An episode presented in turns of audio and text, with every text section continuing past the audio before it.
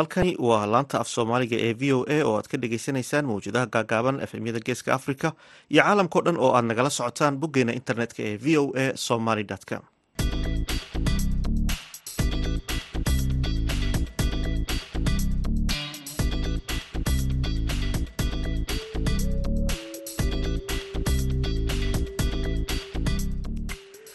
duhur wanaagsan dhegeystayaal waa kowdiiyo barkii duhurnimo xilliga geeska africa iyo lixdiiyo barkii subaxnimo xilliga magaaladani washington. Waa maalin khamiis ah shanta bisha oktoobar iyo idaacadda duhurnimo ee barnaamijka dhalinyada maantana. Waxaa idinla socodsiinaya anigoo xuseen bare aadan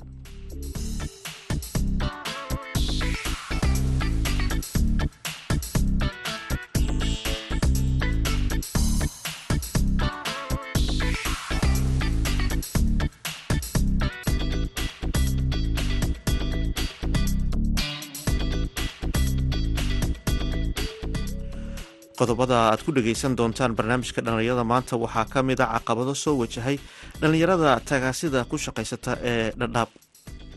Sicid bare baahsan ka jiro dhinaca badeecadda iyo dhinaca shidaalka. Runtii shidaalka wuxuu kenya ka maraya litir shidaal ka maraya laba boqol iyo labaatan shilin. Runtii litir shidaalka u aadan shanasha markaa gadinaysa wuxuu marayaa waa kun iyo boqol shilin. Runtii caqabad fara badan ayaan haysato runtii waxaa sidoo kale aad maqli doontaan dhalinyaro boosaaso looga furay tobabar dhanka warbaahinta ah. Sidoo kale heesihii iyo ciyaarihii ayaad maqli doontaan. Marka horese waxa aad ku soo dhowaataan warkii dunida.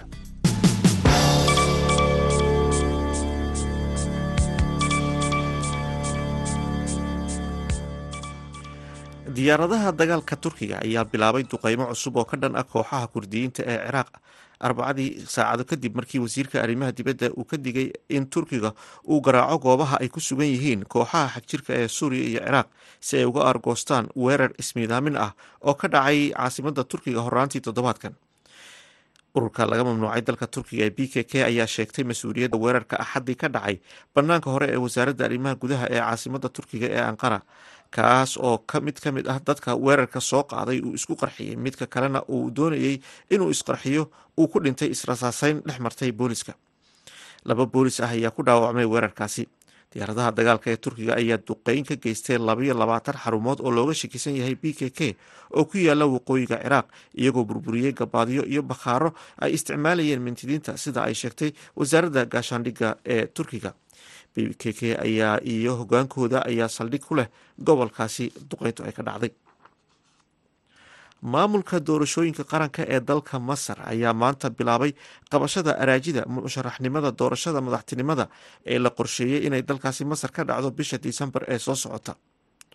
Maamulka doorashooyinka masar ayaa sii wadi doona qabashada codsiyada toban maalmood oo dhammaanaya afar iyo tobanka oktoobar dadka doonaya inay u tartamaan waa in ay helaan saxeixa labaatan xubnood ama ka badan golaha wakiilada ee dalkaasi ama ay soo ururiyaan. Saxeixa labaatan shan iyo labaatan kun oo muwaadin oo ka socda codbixiyaasha ugu yaraan shan iyo toban gobol.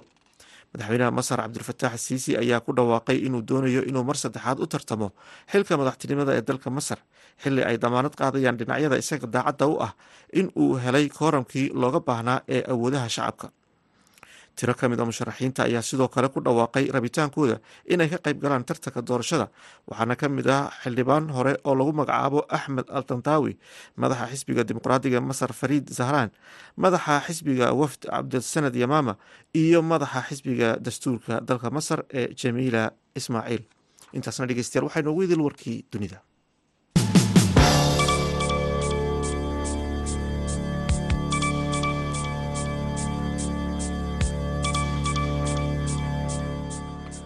halkaad nagala socotaan waa laanta af soomaaliga ee v o a. Dhallinyarada xeryaha dhadhaab ee ku shaqaysta gaadiidka dadweynaha ee tagaasida ayaa sheegaya in sare ukaca ku yimid qiimaha shidaalka uu saameyn ku yeeshay shaqooyinkooda ay qoysaskooda ku biili jireen. Shiine maxamed cabdi cagmadhige oo ka mid ah dhallinyaradaasi ayaa caqabadaha soo wajahaya uga waramay wariyaha v o eda cabdisalaan salas cabdisalaan horta caqabad badan ayaa jirto runtii dhalinyartii wax baratay ay ku baratay xeryaha qaxootiga oo shaqa la'aan baahsan ee haysatay. Ayagoo iskuul soo dhameeyeen ayaa qof kasta wuxuu micnaha doorbiday inuu micnaha uu noqdo daral ku xameysto darolnimada runtii anaga dhalinyartii hore waxaan ahayn oo gawaarida gawaarida ku xamaaneed aan ahayn laakiin waxaa ku soo biirta sanadkani. Sanadii ugu dambeeyeyba dhalinyartii iskuullada ka kala jibisay oo bilaa shaqalaana bilaa camal iska ah taasna waxaa sii sii xumeysa waxay waxaa waaye ay haddana waxay noqdeen caqabad waxay noqotay baawartii inay bataan oo dhalinyartii ku xameystaan oo kuwii iskuullada dhameeyeen iyo kuwii baadmudayaasha ahaayeenbo intaba inay doorbidaan inay gabaarada ku waxay nagu noqotay caqabad xoog weyn nagu noqotay. Ha darnaatee tuma tume tahay cabsanadow waxaan sii ka sii xumaatabo sicir barri baahsan ka jiro dhinaca badeecadda iyo dhinaca shidaalka. Runtii shidaalka wuxuu kenya ka maraya litr shidaal ka maraya ilaa laba boqol iyo labaatan shilin runtii litr shidaalka aadan. Shalasha magaagadeenis wuxuu marayaa waa kun iyo boqol shilin runtii caqabad fara badan ayaan haysato runtii waayahay qiimaha shidaalka markii hore litrka imise ayaa lagu iibinayay qiimaha hata markii hore waa sanadahan dambe qaali buu ahaa. Shidaal fast wuxuu marayay boqol iyo labaatan shilin ilaa iyo boqol iyo toban udhexeeyey sanadihii ugu dambeeyey isbeddelka doorashada dalkana kenya ka dhacay intii ka sii hore doorashada doorashada lagu jirabo shidaal inta maalinta maalinkan uu sii kacayay ha ahaatee ha u markii madaxweynahan dalka la doortay kenya ruto ayaa waxay noqotay i in shidaalka lagu daro oo runtii ay noqoto shidaal mid aada u sareeyo marka taasna caqabad bay keentay dadweynihii ma awoodaan inay gabaarida adeegsadaan mamarka qaarkood ayadoo doorbidayaan inay gereystaan gaadiid kala duwan ee boodhaboodhada loo yaqaano ama tugtug tugtugsi loo yaqaano sidii somaali u taqaano inay gereystaan taasoo qiimeyn ka yar tahay dhinaca tagaasada runtii maasuul waxaa dhici kartaa in qof raashinkiisa u qaadid xaalad u geysid oo lacag fiican ku siiyo hadda ma dhacdo. Hadda caqabad fara badan ka jirto waxaa waaye sicibara faabaasan lacag laan aad wada jirto. Waa tahay shiina waxaa tahay dabcan nin qoys leh oo caawin reerkiisa ay ka sugayaan. Bal ka waran qaabka aad u soo dhacsataan barnaamijkiina adduunka hadduu aysa jirin socod ma jiro waayahan dambana haddii waayahan uu soo socdaan xaal ku socoto waxay in micnaha gabara qaar la dhigo. Nolosha qoyska runka kaa waramo horta waxaan aabo oo dhalay afar carruur ah runtii haddana hooyo ku sii xarito ehel iyo arxan kale ku sii xadiraan oo keliya ay fiirsaan keliya birtana aan wado afartan sheeg wareegayaan. Haddii maanta fadhiistina kolley waxaan filaya waxay tahay in isbeddel ku imaan qoyskaas iyo dadkii kore iga fiirsanayabo ahaatee nolosha qoyska aad adag tahay waxaa dhici kartaa maalmaha qaarkood in ii sheegeen aan baawarta aan waxba aan ku weyninbo wax aan qaanin la waayo oo la waayoba shidaalkii wax lagu bixin lahaa amase nolosha qoyska marna shidaalka weynaysaa marna nolosha qoyska weynaysaa. Waayahay shinow adi waxaa tahay dabcan nin gaariga iskale waxaa jiro dhalinyaro kale oo qaxooti ah oo gaariga qaab kiri ah uu shaqeeyo bal ka waran dadkaas axwaashooda maxaalkooda dhalinyartaas ku xamaalinayaan gawaarida sida loo yaqaan barwada amase gawaarida jaarka loo yaqaano hadda ayaan dambe wa jiraan oo hadda rif inaadir waaye oo kaaradii shaqeyna waxaa in adeegii waxay ku joogaan ii sheegeen.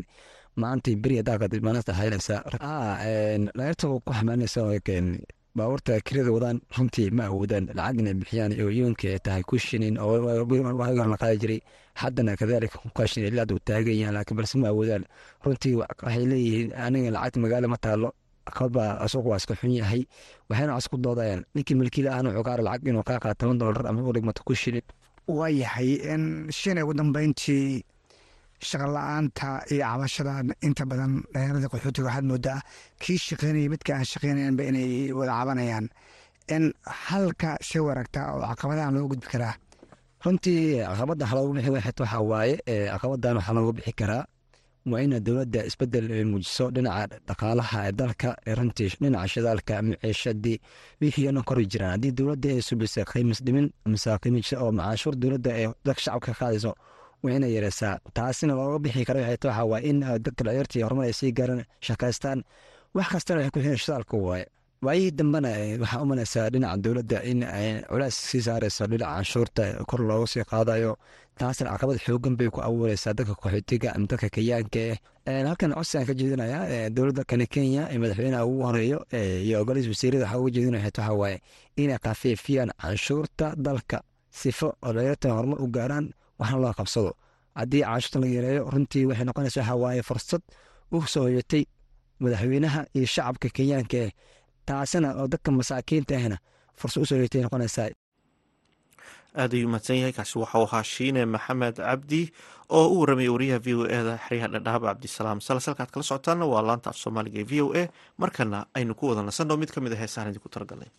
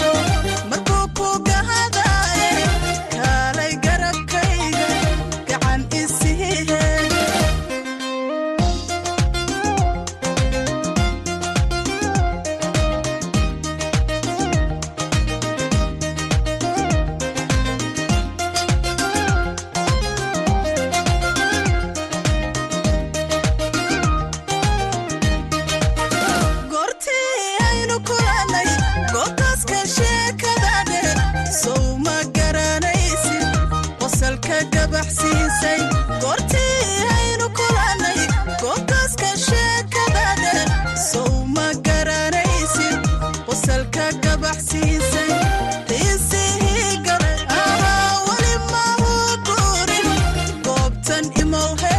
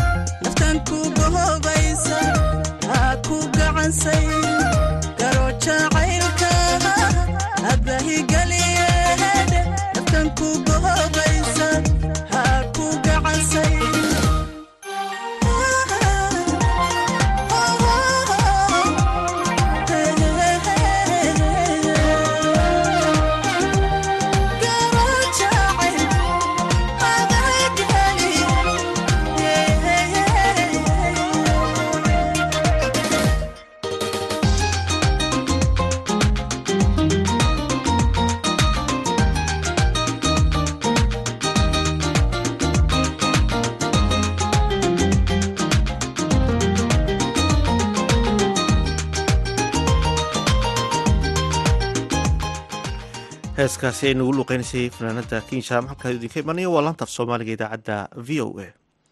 Dhalinyaro isugu jira wiilal iyo gabdho ayaa magaalada boosaaso looga furay tababar dhanka saxaafadda ah oo socon doona muddo lix bilood ah. Wariyaha v o eda yuusuf maxamuud ayaa warbixintan soo diray. Mid ka mid a jaamacadaha ku yaalla magaalada boosaaso ayaa maanta daafuray kooras gaaban oo dhallinyarada wiilal iyo gabdhaha ay ku baran doonaan saxaafadda casriga ah waxayna baran doonaan muddo lix bilood ah iyadoo qofka dhallinyarada ahna laga dhisi doono barashada muuqaal dubista. Madasha xafladda daafurkeeda waxaa goobjoog ka ahaa mas'uuliyiin ka socday wasaaradda warfaafinta puntland agaasimayaasha xarumaha idaacadaha ee magaalada boosaaso iyo weliba weriyaal aqoon-yahano gudoomiyaha jaamacadda sahal university injineer cabdirasaaq cabduqaadir cali oo ugu horeyn hadlay waxa uu madasha ka sheegay in dhallinyaradan ay bari doonaan dhammaan xirfadaha saxaafadda si ay ugu shaqaystaan mustaqbalka. Waxa ay ka mid tahay jaamacadaha ee dalka soomaaliya ka shaqeeya jaamacaddu magaalada boose keliya kuma shaqayso waxay xarumo ku leedahay magaalooyinka laasacaanood iyo gaalkacyo. Insha allah mustaqbalka dambana waxa laga yaabaa baraanjiyo cusub oo kale. Oo magaalooyinkana aad aragtaan haddii ilaah yidhaahdo mar walba waxaa u taagannahay inaan soo saarno dad kaadiriina oo professionalisa oo khibrad u leh waxa ay ay ay ay maaragtay baranayaan. Laba shay baa marka ku dadaalnaa sidaad aragtaanba hadda barnaamijkan saxaafadda oo sida gaarka u aragteen laba shay aan ku dadaalnaa. Macallimiinta barnaamijyada bixinaya inaysan noqon keliya macallimiin caadi ah. Jasi macallin waxaa jira oo macallin keliya ah laakiin waxba aysan macallimada u dheerayn. Marka annagu waxaan ku dadaalaynaa dadka barnaamijyada bixinaya inay noqdaan kow horta macallin inuu yahay qofka macallin dadka wax kara inuu yahay oo heerkii akademiga laga raba inuu gaarsiisan yahay waa qodob koowaad. Qodobka labaad ku daalan waxa weeye macallinku waxaan rabo inuu dhigo inuu ku shaqeeyey. Waa qodobka labaad aan ka eegayno. Waxaa hadda caddayn idinkugu filan macallimiinta bixinaya barnaamijkan saxaafadda. Waa macallimiin already professionalis oo injineero waaweyn oo shirkadaha eh, maaragtay ee saxaafadaha ameeriyada ugu waaweyn ee puntland jooga dhinaca kale qaar ka mid ah dhallinyarada wariyaasha ah ee magaalada boosaaso ayaa docdooda soo dhoweeyey ardadan la bari doono mihnada saxaafadda. Daahurkan een, loo furayo ardadan cusub ee baranaysa saxaafadda oo aan aaminsanahay inay tahay markii koowaad oo arday noocan oo kale ay jaamacadaha puntland gaar ahaan magaalada boosaaso ay soo kordhiyeen. Een, runtii aad baan u faraxsanahay waana wax progressive ah oo nolosheenna horumar u ah dhammaan bulshadeenna in saxaafadda bilir saxaafadda oo muhiim u ah bulshada dhammaan la kordhiyey. Saxaafad marka la leeyahayna ee, runtii sida uu injineerkuba sheegay. Marka waxaan aaminsanahay ardadan cusub ee baranaysa digital mediaha weliba warbaahinta casriga ah warbaahinta traditional iyo digital media leedahay warbaahinta casriga baranaysa Een, aad baan runtii u bogaadinaynaa inay fursadda qaaliga ah ee la siiyey ay ka faa'iidaystaan inaan ka soo qayb galo een, ardaydan quruxda badan ee bilaabaysa barashada saxaafadda oo ah faculty aada u muhiima barashadiisuna ay aada u dheer tahay si gaar annaga weynisoom ahaan waxaa farxad noo ah in gabdhaha intaa leh ay mooraal fiican u hayaan inay saxaafadda ku soo biiraan.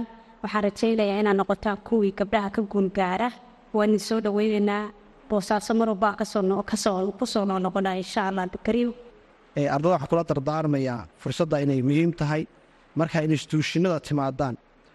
Qofka ugu horreeya oo madaxda waxaydin weydiinaya maxaa taqaanay markaad tidhahdo shuruucda iyo waxaasaa dhaqaanaa misna waxaa laguu sii darayaa tababar inaad kaamaradii baratid videoga wixii lagu sameynaya baratid ee wakhti kale aad iskelisid laakiin halkan waxaad jaanis u haysataa maanta inaad shuruucdiina baratid qalabkii baratid.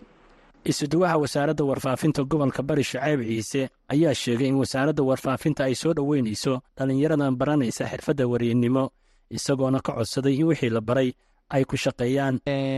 Waxa weeye baal cusubna u furtay. Waxaan rajaynayaa insha allahu tacaala inay waxa weeye hore u sii socoto. Sidoo kale ardayda quruxda badan ee halkan isugu timid isma lahayn waxa weeye arday tiro badan ba arkaysaa runtii farxad bay ii tahay in waxa weeye tiro intaan leeg oo waxa weeye arday saxaafadda qaar dhiganaya iyo qaar hadda ku soo biiraya.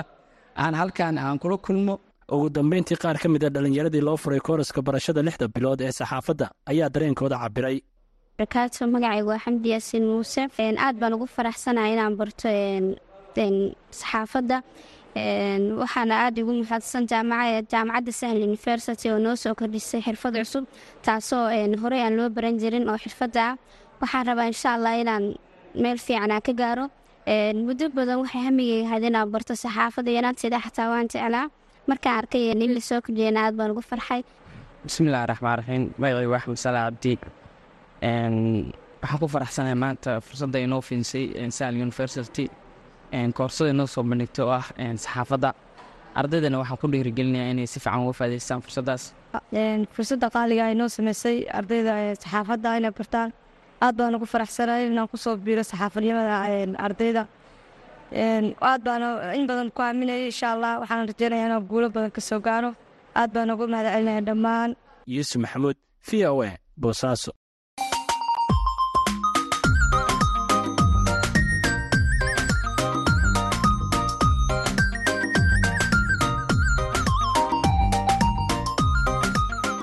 bandhiga v o a. Barnaamijka bandhiga v o a waa barnaamij idinku tala gashay laanta af soomaaliga ee v o a. Bandhigga v o a waxaad khamiis walba kaga bogan kartaa qormooyin kala duwan oo la xidhiira taariikhda iyo aqoonta guud dhaqaalaha sharciga iyo samafalka.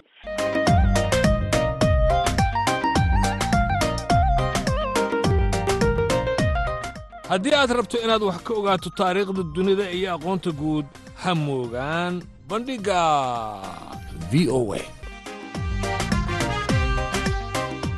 Bandhigga v o e kala soco laanta af soomaaliga ee v o e maalin kasta oo khamiis ah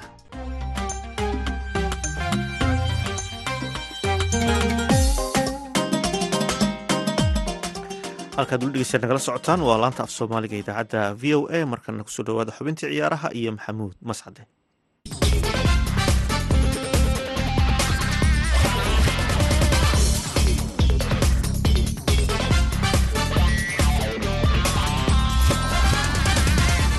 kulan wanaagsan dhegeystayaal dhammaantiinba kuna soo dhowaada xubinta ciyaaraha. Aan ku bilaabay xiriirka kubadda cagta adduunka ee fifa ayaa shaaciyey koobka kubadda cagta adduunka ee sanadka labada kun iyo soddonka ay martigelinayaan lix waddan oo ka soo kala jeeda saddex qaaradood. Fifa ayaa sheegtay in waddamada sbain bortuqiiska iyo morocco ay koobka wadajir u martigelinayaan halka saddexda kulan ee ugu horeysa ee furitaanka koobka kubadda cagta adduunkana ay ka kala dhacayaan waddamada uruguay argentina iyo baragway fifa ayaa ku tilmaantay tallaabadan dabaaldegga boqolguuradii ka soo wareegatay markii ugu horreysay ee la qabtay koobka kubadda cagta adduunka sannadkii kun sagaal boqol iyo soddonkii markaasi oo waddanka uruguay uu koobka martigeliyey. Magaalada monteviero ayaa rajaynaysaa in ay mar kale martigeliso kulan ka tirsan koobka kubadda cagta adduunka tan iyo sannadkii kun sagaal boqol iyo soddonkii. Xiriirka kubadda cagta ee fifa ayaa go'aanka kama dambaysta ah gaaraya sanadka soo aadan ee labada kun iyo afarta markaasi oo ay kulmayaan guddiga koongareeska ee fifa. Dhinaca kale xiriir kubadda cagta ee fifa ayaa shaaciyey in waddamada ka soo jeeda xiriirada kubadda cagta ee kale ah asian football federation iyo oceana football federation oo keliyihi ay soo dalban karaan qabashada ciyaaraha kama dambaysta ee koobka kubadda cagta adduunka ee sanadka labada kun soddon iyo afarta arrintan ayaa daba socota kadib markii waddanka sacuudi carabiya ay si rasmi ah u soo gudbiyeen dalabkooda ku aadan martigelinta koobka kubadda cagta adduunka ee sanadka labada kun soddon iyo afarta xiriirka kubadda cagta adduunka ee fifa ayaa tan iyo markii ay shaaciyeen in koobka kubadda cagta adduunka ee sanadka labada kun iyo soddonka uu ka kala dhacayo saddex qaaradood waxaa soo wajahay dhaleecayn kaga imaanaysa qaar ka mida taageerayaasha kubadda cagta waxaana qaarkood ay tilmaameen in ay safaro dhaadheer noqonayso in saddex qaaradood loo kala goosho laakiin dhinaca kale waddamada koobka martigelinaya taageerayaashooda ayaa tallaabada fiifa soo dhoweeyey. Dhinaca iyo haddii aan jaleeco koobka kooxaha qaarada yurub ee champions leaguana weli waxaa dabaaldegaya taageerayaasha kooxda kubadda cagta ee newcastle united kadib markii habeenkii xalay ahaa ay u awood sheegteen. Kooxda kubadda cagta ee b s g newcastle united ayaa afar gool iyo hal ku dharbaaxday kooxda kubadda cagta ee b s g ciyaaryahanada almiron ban longstaff iyo fabian shar ayaana goolashaasi u kala dhaliyey kooxda kubadda cagta ee newcastle united oo markii ugu horreysay muddo labaatan sana ah guulaysatay ciyaar ka tirsan koobka kooxaha qaaradda yurub ee champions league. Xubinteena ciyaaraha dhegeystayaal inta ayaan ku soo gabagabaynaya tan iyo kulan dambe oo mascad dawada ku dhaafaya sidaa iyo noli kulan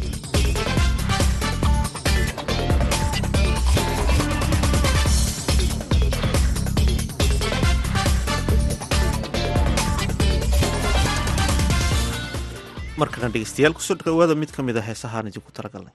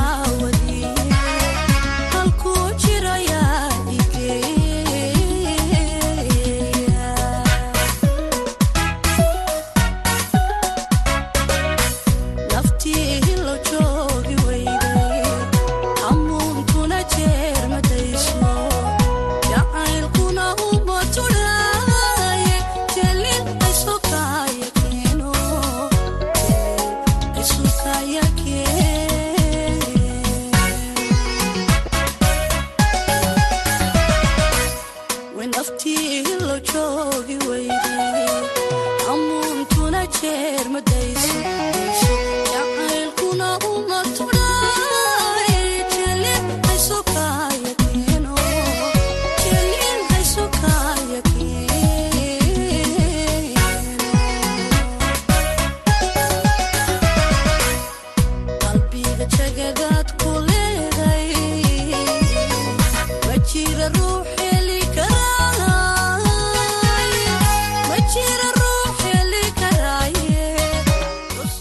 ayaan dhegeystayaal ku soo gabagabeynana baahinteen idaacadeed oo si toosa ah idinka imanaysa laanta af soomaaliga ee v o a tan iyo kulanti dambe.